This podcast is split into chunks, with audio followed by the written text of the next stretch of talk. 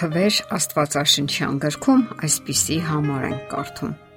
Տերը խոսեց Մովսեսի ու Ահարոնի հետ եւ ասաց. «Մինչև երբ պետք է համբերեմ այս չար ժողովրդին, որ տրտնջում է իմ դեմ։ Ես լսեցի Իսրայելի որդիների տրտունջը, որ տրտնջում են իմ դեմ։ Նրանց ասա. կենթանի եմ ես եւ ես այնպես կանեմ ձեզ, ինչպես որ լսելի կերպով խոսեցիք ինձ հետ։ Ձեր դիակները կընկնեն այս սանապատում։ Դուք բոլորդ, որ հաշվառվեցիք, 20 տարեկանից բարձր եղողներդ, որ տրտնջացիք իմ դեմ, բնավ չպիտի մտնեք այն երկիրը, որի համար երթվեցի, թե ձեզ կբնակեսնեմ այնտեղ։ Բացի Հեփոնեի որդի Քաղեբից եւ Նավեի որդի Հեսուից։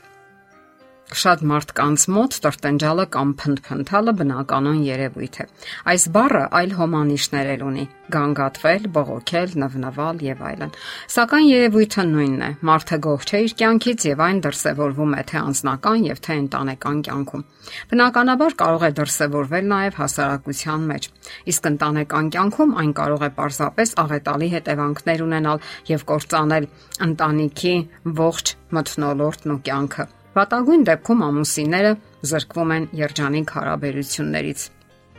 Ուշագրավ է, որ կողմերը սովորաբար տեսնում են դիմացինի տրտունջները, իսկ ահա սեփականը կամ չեն նկատում կամ ավելի բարյացակամ են վերաբերվում դրան, մտածելով, որ դա արժանի հակազդեցություն է համապատասխան երևույթներին։ Ասենք որ տրտնջալու երևույթը միայն բարերով չէ, որ կարող է դրսևորվել։ Այն դրսևորվում է խոր հոգոցների, տնքոսների, տեսքով, դեմքի դժգոհ արտահայտությամբ ու ծամածրությամբ, կիսաձայն մրթմրթոցներով, անհոդաբաշխ ձայնարկություններով եւ այլն։ Ընդ որում կողմերից յուրաքանչյուրն ունի գանգատվելու իր նախասիրած եղանակը։ Նկատենք, որ երեխաները նույնպես ունեն այս բացասական սովորությունը։ Անդրաժեշտ է նկատել եւ արագ կարգավորել այս երևույթը, parzabanել թե ո՞րն է հիմնախնդրի էությունը եւ ինչից է դժգոհ դուք կամ դիմացինը։ Տրտունջները սովորաբար ծագում են, առաջանում են այն ժամանակ, երբ մենք ինչ որ բանի սպասում ունենք եւ դա չի իրականանում։ Երեխաները կարող են փնփնթալ, օրինակ, երբ ընդհատում են իրենց խաղը եւ փոխարենը պարտադրում դպրոցական առաջադրանքները կամ տնային պարտականությունները կամ էլ երբ ծնողները որևէ միջոցառման չեն տանում։ Իսկ մեծահասակների դեպքում նրանք սպասում են մի բան, սակայն ստանում են միանգամայն այլ բան եւ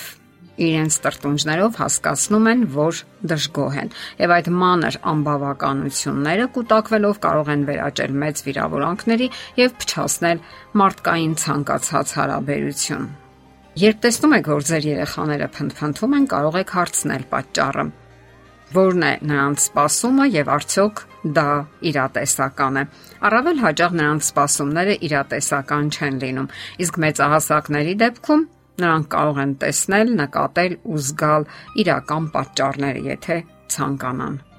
Երբ մենք ցանկանում ենք օգնություն ստանալ կամ զգում ենք, որ աշխարհը մեր դեմ է տրամադրված, սկսում ենք կանգատվել, կարծես դիմացիններին ստիպելով, որ կատարեն մեր ցանկությունները։ Սա կարծես յուրատեսակ ծուղակ է, որի մեջ շատերն են ընկնում, իսկ դիմացինները դրանից, ինչպես ասում են, հիացած չեն։ Ճիշտ ընդհակառակը կարող են զայրանալ գանգատվող մարդու դեմ։ Հարկավոր է երեխաներին սովորեցնել, որ նրանք կանգատվելու կամ փնփնթալու փոխարեն որոշակի եւ քաղաքավարի ձևով ձևակերպեն իրենց խնդրանքը։ Կարող եք պարզապես նրանց հարցնել. Դու ինձանից որևէ բան ես ակնկալում, օգնության կարիք ունես, այդ դեպքում նրանք հավանաբար կգիտակցեն, որ դուք հասկանում եք իրենց խնդրանքը, իրենց խնդիրը եւ սովորում են, որ հարկավոր է բառային ձևով ներկայացնել իրենց խնդրանքը։